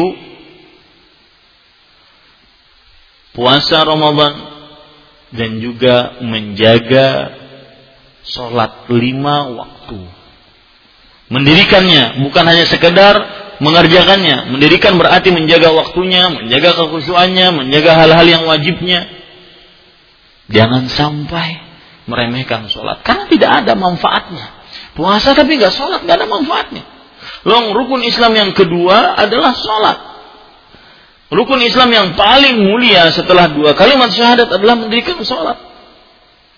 Maka tidak heran Rasulullah Shallallahu Alaihi Wasallam bersabda dalam hadis riwayat Muslim dari Jabir radhiyallahu anhu, Baina rajuli wa syirki wal kufri tarkus salah. Ya, jarak antara seseorang dengan kesyirikan dan kekafiran adalah meninggalkan sholat. Tidak heran pula Rasulullah SAW setelah ini mengatakan, Al-ahdu alladhi bainana wa bainahum as-salah, faman tarakaha faqad kafar. Perjanjian antara kami dengan mereka adalah perihal sholat. Barang siapa yang meninggalkan sholat, maka sungguh dia telah kafir. Umar bin Khattab radhiyallahu anhu berkata, "La hadza fil Islam bagi siapa yang tidak mempunyai salat, la hadza bil Islam. Liman salat. Tidak ada bagian dari Islam bagi siapa yang meninggalkan salat. Subhanallah. Perhatikan. Kemudian amalan yang kedua yang sangat dan wajib untuk dikerjakan adalah berpuasa karena iman dan berharap pahala. Rasulullah Shallallahu Alaihi Wasallam bersabda dalam hadis riwayat Bukhari dan Muslim, dari Abu Hurairah radhiyallahu anhu man shama ramadhana imanan wa ihtisaban ghufira lahu ma taqaddama min dhanbi Barang siapa yang berpuasa pada bulan Ramadan karena iman dan berharap pahala diampuni dosa-dosa yang telah lalu. Amalan yang ketiga yang sangat dianjurkan adalah sholat tarawih. Meskipun ini hukumnya tidak wajib, tetapi sangat dianjurkan. Dan Ramadan sangat identik dengan sholat tarawih atau sholat tarawih sangat identik dengan Ramadan. Dalam hadis Rasulullah Shallallahu Alaihi Wasallam bersabda, "Man qama Ramadan imanan wa ihtisaban, ghufira lahu ma taqaddama min dhanbi." Barang siapa yang bangun malam yaitu sholat tarawih di antaranya pada bulan Ramadan karena iman dan berharap pahala diampuni dosa-dosanya yang telah lalu. Kemudian di dalam perkara sholat tarawih, ya semestinya dikerjakan bersama imam sampai selesai. Sebagaimana hadis riwayat uh, Imam Abu Dawud dari Abu Dzar radhiyallahu anhu Qala Rasulullah sallallahu alaihi wasallam an qiyam Ramadan, Rasul sallallahu alaihi wasallam bersabda tentang bangun malam beribadah dalam bulan Ramadan, "Innar rajula idza shalla ma'al imami hatta yansarifa husiba lahu qiyamu lailatin." Sesungguhnya seseorang jika salat bersama imam sampai selesai, maka dituliskan untuknya pahala salat semalaman suntuk. Ya, amalan yang sangat dianjurkan dalam bulan Ramadan. Yang Amalan selanjutnya yang keempat yaitu bersedekah. Baik dengan memberikan harta, baik dengan memberikan makan, baik dengan membukakan puasa orang yang sedang orang yang ber, orang yang ingin berbuka puasa. Dalam sebuah hadis yang diriwayatkan oleh Zaid bin Khalid Al-Juhani radhiyallahu anhu Rasul sallallahu alaihi wasallam bersabda Man fattara sa'iman kana lahu mithlu ajrihi ghaira annahu la yanqusu min ajri as-sa'imi syai'an Barang siapa yang membukakan seorang yang sedang berpuasa, maka baginya seperti pahalanya tanpa mengurangi pahala dari pahala orang yang berpuasa sedikit pun. Ini amalan yang sangat dianjurkan dalam bulan Ramadan. Bulan Ramadan, amalan selanjutnya yang kelima, bulan Ramadan sangat identik dengan membaca Al-Quran Bahkan disebut dengan syahrul tilawatil Quran, bulan membaca Al-Quran. Dan ini dilakukan oleh Rasul Shallallahu Alaihi Wasallam dalam hadis riwayat Bukhari, afan riwayat Imam Ahmad, Abdullah bin Abbas radhiyallahu anhu bercerita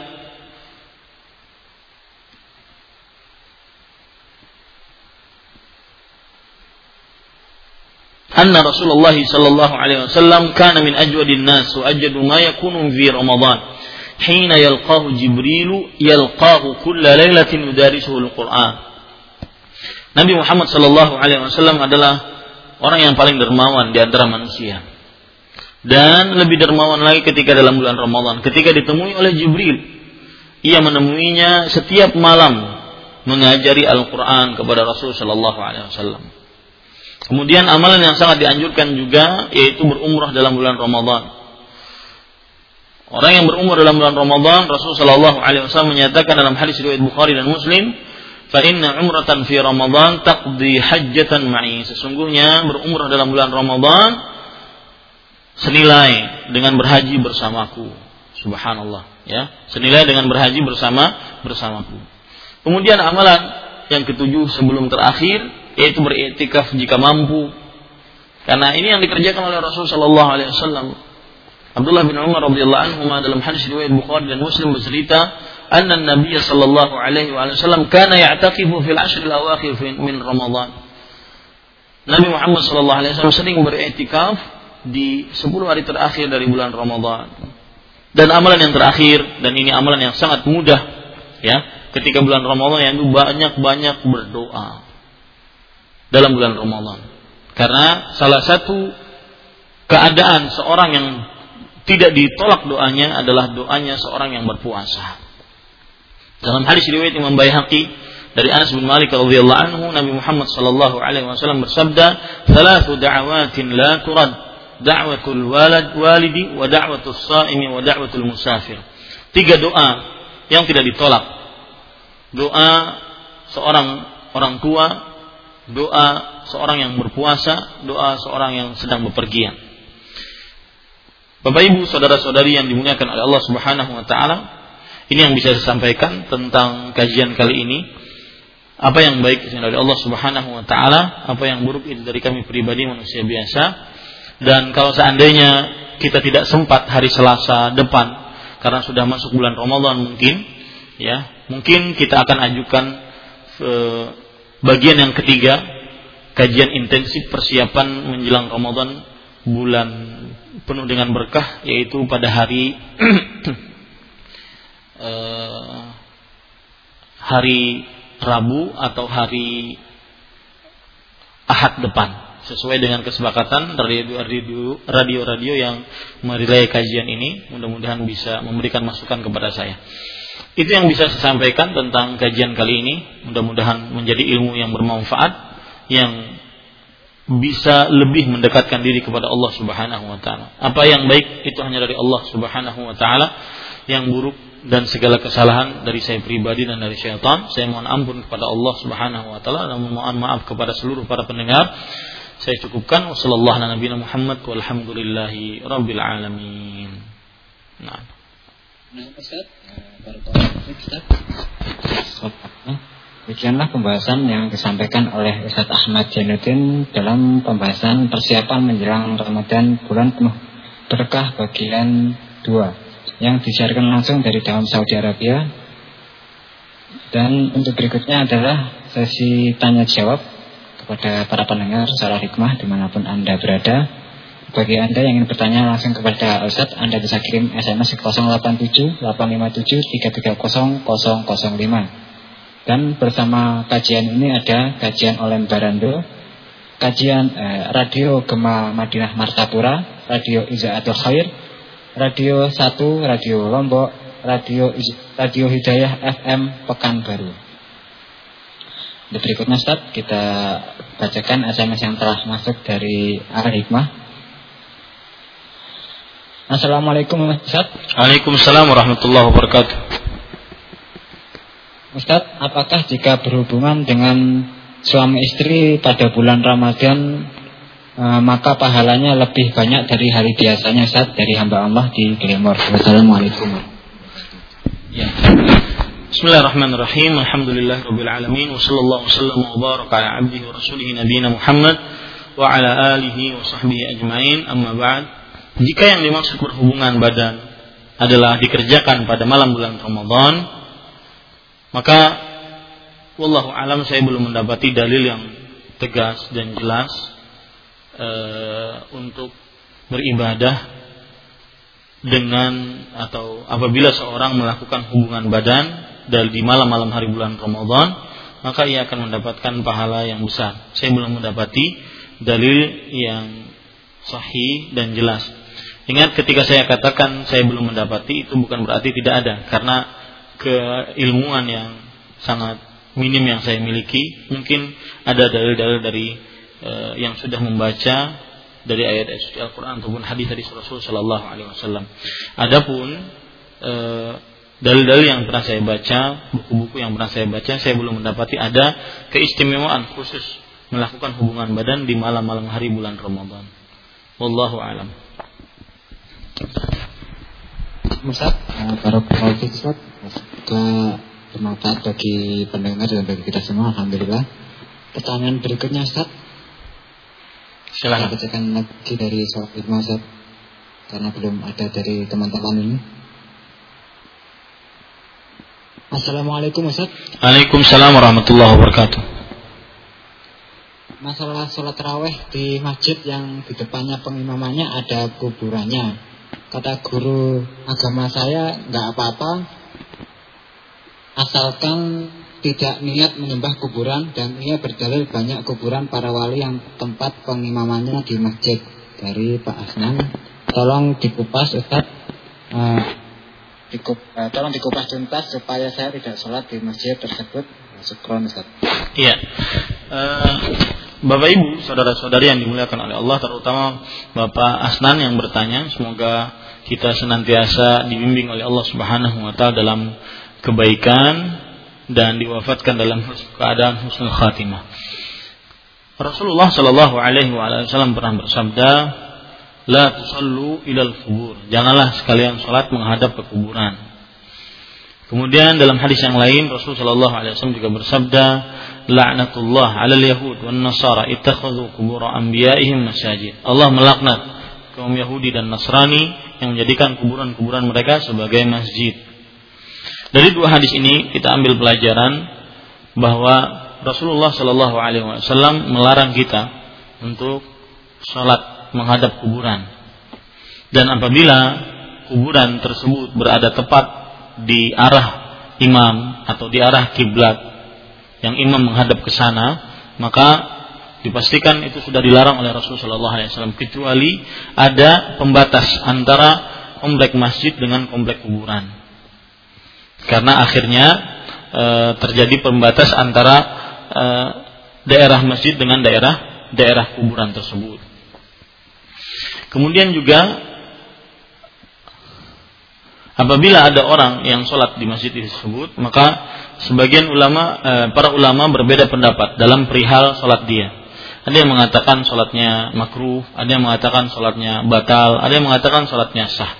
Maka wallahu alam hadis yang melarang kita untuk sholat menghadap kuburan adalah berkonsekuensi kepada pengharaman dan sebuah pengharaman me menunjukkan kepada rusaknya amal sebuah amal amal tersebut. Ya, an-nahyu yaqtadil fasad. Larangan berkonsekuensi kepada kerusakan sebuah amal, sebuah amalan tersebut. Maka apabila ada masjid yang di depannya terdapat kuburan, solusi yang terbaik adalah membuat dinding antara komplek masjid dengan komplek kuburan. Sehingga tidak ada e, sehingga kuburan tersebut bukan dalam satu masjid. Ya wallahu alam. Nah. Allah khairan berikutnya Ustaz Kita bacakan kembali uh, SMS dari Radio Hikmah Dan kepada kawan-kawan yang sudah ikut streaming uh, Anda bisa kirim ke Skype. Kita bacakan lagi Mas yang telah masuk dari ahli Ustaz. Silakan. Assalamualaikum Ustaz. Waalaikumsalam warahmatullahi wabarakatuh.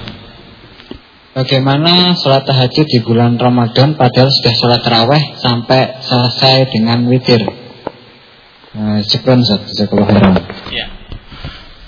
Uh, pertanyaan ini sering sekali ditanyakan tentang orang yang ingin mengerjakan sholat tahajud, yaitu sholat yang dikerjakan setelah bangun tidur di malam hari. Setelah dia mengerjakan di awal malam sholat tarawih bersama imam mungkin di masjid, bahkan plus dengan witirnya, maka jawabannya boleh. Tidak mengapa seorang sholat tahajud di malam hari bulan Ramadan ketika dia bangun dari tidurnya, meskipun di awal malam dia sudah sholat tarawih bersama imam, bahkan sholat witir. Karena berdasarkan keumuman beberapa ayat dan juga hadis di antaranya Allah Subhanahu wa taala berfirman, "Wa minal laili fatahajjat bihi nafilatallah." Dan pada waktu malam maka bangunlah untuk bertahajud sebagai amalan sunnah bagimu. Kemudian juga Allah Subhanahu wa taala berfirman, Kumil laila illa qalila. Bangunlah malam dan janganlah tidur kecuali sedikit. Ya. Ini ayat menunjukkan secara umumnya kita diperbolehkan untuk beribadah di malam hari, yaitu yang disebut dengan sholat tahajud. Dan Bapak Ibu, saudara-saudari yang dimuliakan oleh Allah Subhanahu wa taala, keumuman ini tidak ada dalil yang membatasinya. Yaitu misalkan kalau orang sudah sholat tarawih atau kalau orang sudah sholat witir maka tidak boleh dia sholat tahajud. Maka tidak ada dalil yang menunjukkan ke situ. Begitu juga keumuman hadis Nabi Muhammad SAW yang berbunyi Rasulullah SAW bersabda, "Salatul laili masna masna." Salat malam dikerjakan dua rakaat salam, dua rakaat salam, dua rakaat salam. Di sini hadis ini juga umum menunjukkan bahwasanya salat malam apa pun itu bentuknya, entah salat tarawih, entah salat tahajud, maka bisa dikerjakan dua rakaat salam, dua rakaat salam. Hadis ini juga tidak menunjukkan tentang larangan atau batasan seseorang tidak boleh mengerjakan sholat tahajud setelah sholat tarawih atau sholat witir. Intinya tidak mengapa sholat eh, seseorang mengerjakan sholat tahajud setelah dia mengerjakan sholat sholat witir. Yang dilarang dalam hadis-hadis Rasul Shallallahu Alaihi Wasallam adalah beliau bersabda, la witrani fi laylah. Tidak ada dua salat witir dalam satu malam. Karena kalau salat witir dalam satu malam dikerjakan dua kali maka menjadi salat genap, genap. Tidak witir lagi. Itu yang dilarang. Berarti apabila ada orang yang ingin sholat tahajud di tengah malam setelah dia tidur, padahal di awal malam dia sudah sholat tarawih bersama imam, dan juga sudah sholat witir, maka dia kerjakan dua rakaat, dua rakaat, dua rakaat tanpa dia tutup dengan sholat witir. Karena sholat witirnya dia sudah kerjakan di awal tadi.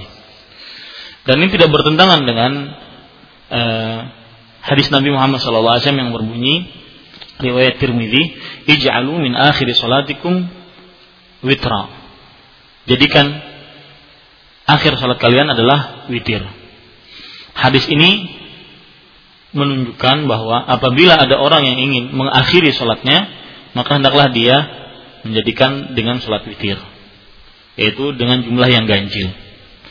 Tetapi tidak melarang seseorang apabila dia sudah sholat witir, maka dia kemudian ingin sholat tahajud, tidak ada larangan dalam hadis ini atau tidak ada larangan yang bisa kita pahami dari hadis ini. Wallahu a'lam. Nah. Semoga bagi dan semua alhamdulillah. Di berikutnya Ustaz kita dapatkan pertanyaan dari kajian online Barando. Assalamualaikum Ustaz. Waalaikumsalam warahmatullahi wabarakatuh. Apakah Dulu Rasulullah SAW pernah membatalkan puasa di siang hari karena hari itu telah masuk bulan Syawal. Kalau benar, mengapa tidak digenapkan menjadi 30 hari ketika malam sebelumnya tidak terlihat hilal Ustaz Syukran Iya uh, Bapak Ibu saudara-saudari yang dimuliakan oleh Allah Subhanahu wa taala kalau riwayatnya itu benar maka yang dimaksudkan dari riwayat tersebut adalah ada orang yang bersaksi dan saksinya diterima oleh Rasulullah sallallahu alaihi wasallam. Saksinya diterima oleh Rasulullah sallallahu alaihi wasallam. Ketika dia bersaksi dan saksinya diterima maka harus batal karena Rasulullah sallallahu alaihi wasallam bersabda, "Sumu li ru'yati wa li ru'yatihi." Berpuasalah karena melihat hilal dan berhari rayalah karena melihat hilal. Demikian. Wallahu a'lam. Berikutnya Ustaz kita bacakan kembali uh, pesan dari yang telah masuk dari surah hikmah Ustaz ini. Assalamualaikum Ustaz. Waalaikumsalam warahmatullahi wabarakatuh. Ustaz, saya terbiasa puasa Senin jika besok puasa Ramadan jatuh pada hari Selasa. Apakah hari Senin saya masih bisa puasa Ustaz? Syukron Ustaz. Bagaimana? Uh, Ustaz, saya terbiasa puasa Senin Kamis. Jika besok Ramadannya jatuh pada hari Selasa, apakah hari Seninnya saya masih bisa puasa? Apakah sah gitu maksudnya? Ya. Uh, mungkin sebagian kaum muslim belum tahu permasalahan ini bahwa di dalam agama Islam Rasulullah Shallallahu Alaihi Wasallam melarang kita untuk mendahului puasa, mendahului puasa dengan berpuasa sehari atau dua hari sebelumnya, ya sehari atau dua hari sebelumnya, yang disebut dengan puasa hari syak, puasa hari ragu-ragu. Nah ini dilarang oleh Rasulullah Shallallahu Alaihi Wasallam, kecuali orang yang biasa mengerjakan puasa, illa kana sauman yasumuhu kata Nabi Muhammad SAW kecuali puasa yang biasa dia berpuasa. Kalau seandainya hari Selasa misalkan minggu depan insya Allah Taala memasuki awal Ramadan maka apabila seorang yang biasaan berpuasa hari Senin dan hari hari Kamis maka tidak mengapa dia berpuasa hari Senin tersebut. Karena tidak masuk ke dalam larangan tersebut yang ingin mendahului puasa Ramadan.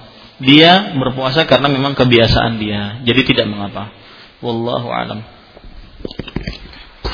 Nah, Ustaz, Allah oke. Nah, berikutnya kita bacakan kembali SMS dari suara hikmah Ustaz. Assalamualaikum Ustaz. Waalaikumsalam warahmatullahi wabarakatuh. Anak mau nanya, di kampung anak ada dua masjid. Kalau waktu buka jamnya nggak sama dan anak sebagai makmum jadi bingung. Nah, apa yang harus anak lakukan Ustaz? Syukran Ustaz. Ya uh, yang harus dilakukan sebenarnya waktu berbuka dan waktu uh, berpuasa itu dilihat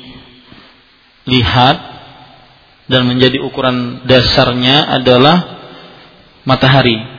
Kapan mata kapan uh, terbit fajar kedua? Maka itu berarti waktu puasa.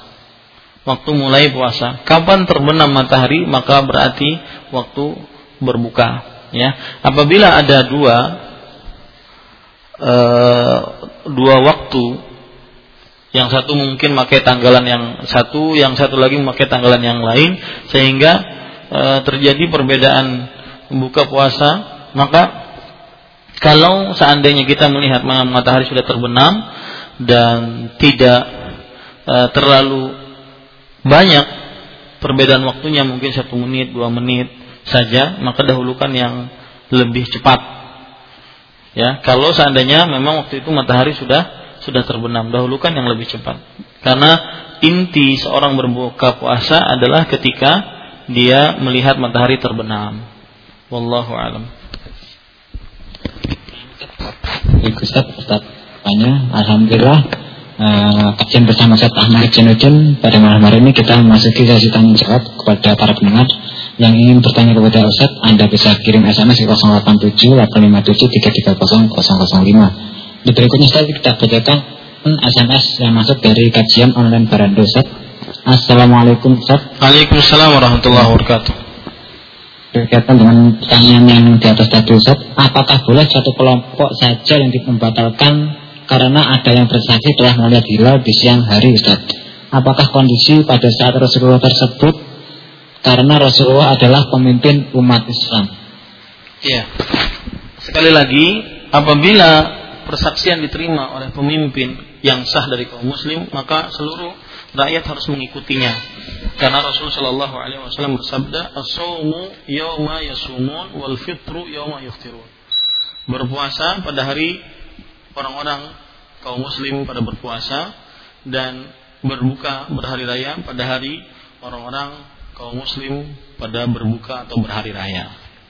Jadi selama persaksian itu diterima oleh pemerintah yang sah dan mereka adalah pemerintah muslim dan menjalankan e, syariat Islam ya meskipun tidak maksimal misalkan tetapi masih menjalankan syiar-syiar Islam secara zahir maka diterima ya persaksiannya ke kemudian diterima oleh e, pemerintah yang sah maka itulah yang harus diikuti oleh seluruh rakyat pada daerah itu ya jadi ketika yang terjadi zaman Rasulullah Shallallahu Alaihi Wasallam bahwa Eh, orang tersebut akhirnya bersaksi di hadapan Rasulullah SAW kemudian saksinya diterima maka rakyatnya harus mengikuti ya yang ditentukan eh, oleh pemerintah yang sah. Wallahu a'lam. Nah. Ustaz, kita bacakan kembali SMS dari masuk dari uh, Radio Hikmah. Assalamualaikum Ustaz. Waalaikumsalam warahmatullahi wabarakatuh. Uh, Anak mau nanya Ustaz, apakah di bulan Ramadan jika kita tidak menahan hawa nafsu dalam hal melihat wanita Afwan Ustaz pakai celana pendek dan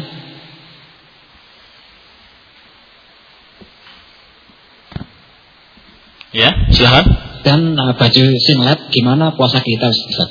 Iya. Iya.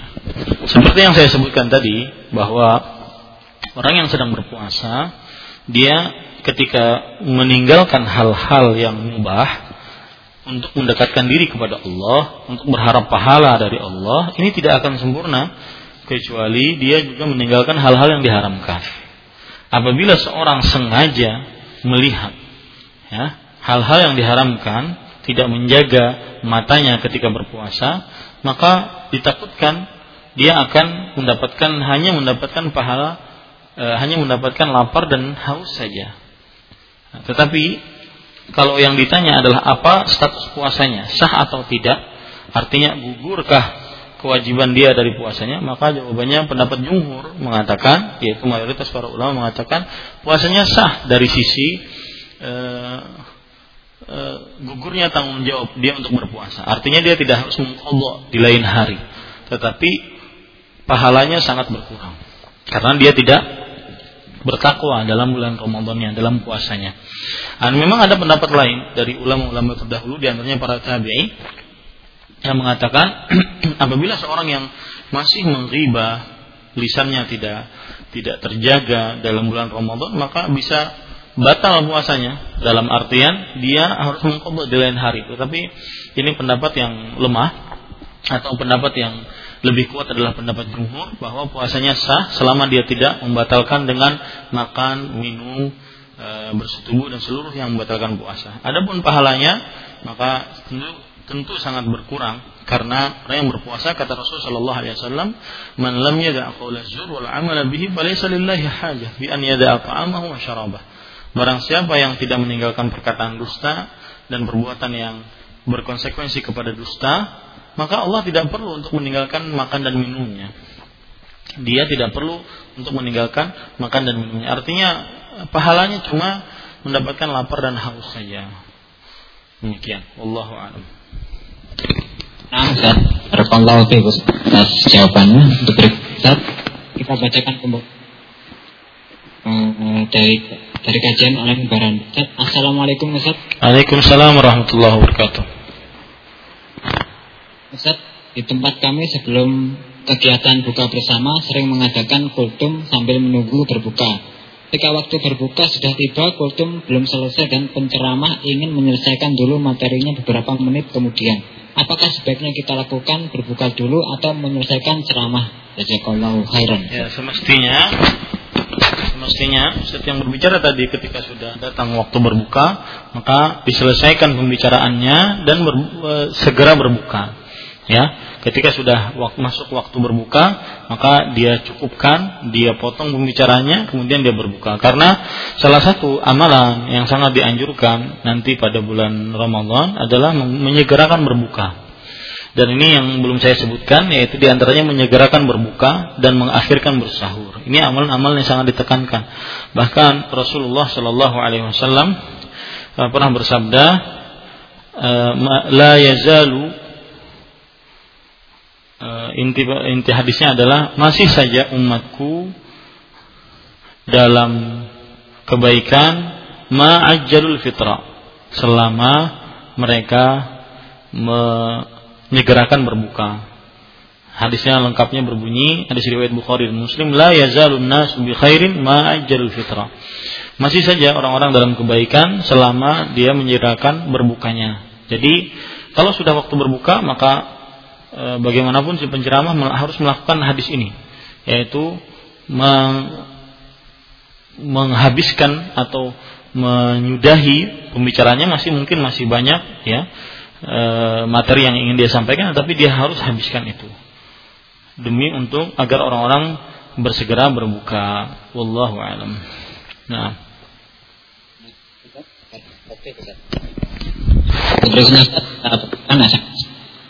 Ustaz. Assalamualaikum Ustaz. Waalaikumsalam warahmatullahi wabarakatuh. Bagaimana hukumnya orang yang bersetubuh tapi puasanya dibatalkan terlebih dahulu Ustaz? Apakah itu masih harus mengganti 60 hari Ustaz? Iya. E, apabila dia niatan memang untuk bersetubuh maka pembatal puasanya tadi hanya sebagai sarana dan ada kaidah para ulama yang mengatakan al wasail laha hukmul maqasid. Sarana mempunyai hukum seperti hukum tujuan. Tujuannya adalah ingin bersetubuh. Ya, bukan ingin membatalkan puasa. Maka ketika dia membatalkan puasa kemudian dia bersetubuh, niatan dia adalah membatalkan puasa eh, niatan dia adalah bersetubuh di siang hari bulan Ramadan, maka dia tetap harus mengkodok Eh, dan dia harus melakukan e, kafarah mughalladhah bagi yang bersetubuh di siang hari bulan Ramadan. Dan awalnya bukan mengkodok dua bulan berturut-turut, bukan.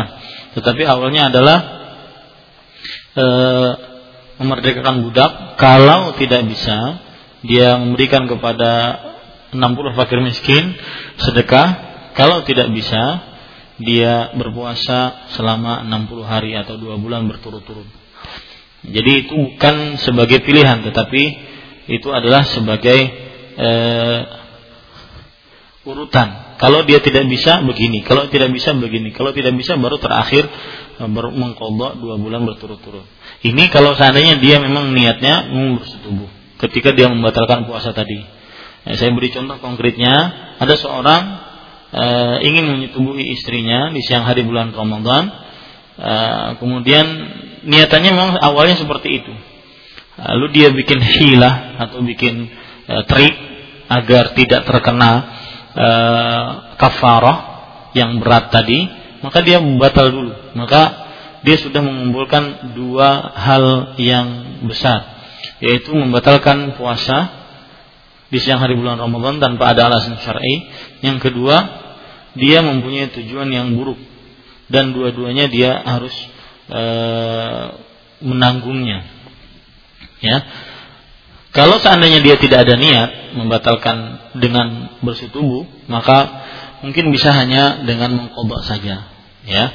Kalau misalkan dia niatannya hanya tidak berpuasa, dia mengkodok saja pada hari itu. Meskipun nanti di siang hari kah atau di sore harinya kah dia bersetubuh ya. Kalau tidak ada niatan sebelumnya. Tapi kalau ada niat maka hukumnya sama. Dia seperti orang yang e, bersetubuh di siang hari bulan Ramadan. Wallahu alam. Nah. Harapan Pertanyaan berikutnya dari kajian oleh Barando Assalamualaikum Ustaz. Waalaikumsalam warahmatullahi wabarakatuh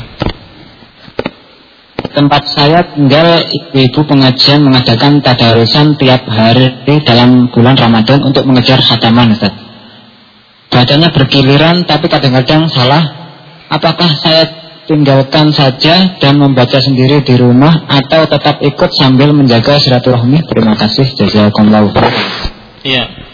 E, bagaimanapun membaca Al-Qur'an e, di e, diganjar oleh Allah Subhanahu wa taala ketika seorang melakukan tadarusan seperti yang dikatakan dalam pertanyaan tadi, misalkan ada 10 orang, 15 orang berkumpul, kemudian dia salah satu membaca Al-Qur'an, kemudian yang lain bergiliran, ya.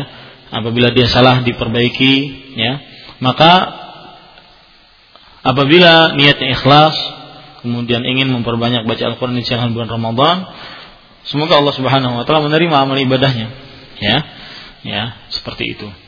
Kemudian apabila dia merasa uh, tadarusan seperti ini bahwa saya bisa lebih banyak untuk membaca Al-Qur'annya maka dia ingin bertadarus sendiri maka itu juga tidak mengapa. Ya itu juga tidak mengapa. Jadi wallahu alam. Jadi dua-duanya tidak bisa kita uh, katakan uh, ini yang benar ini yang salah tidak tetapi dua-duanya bisa dilakukan Tentunya harus dijaga niatnya, kemudian apabila ada bacaan yang salah diperbaiki. Wallahu alam. Ustaz, saya bacakan kembali SMS dari suara Hikmah Ustaz. Assalamualaikum Ustaz. Waalaikumsalam warahmatullahi wabarakatuh.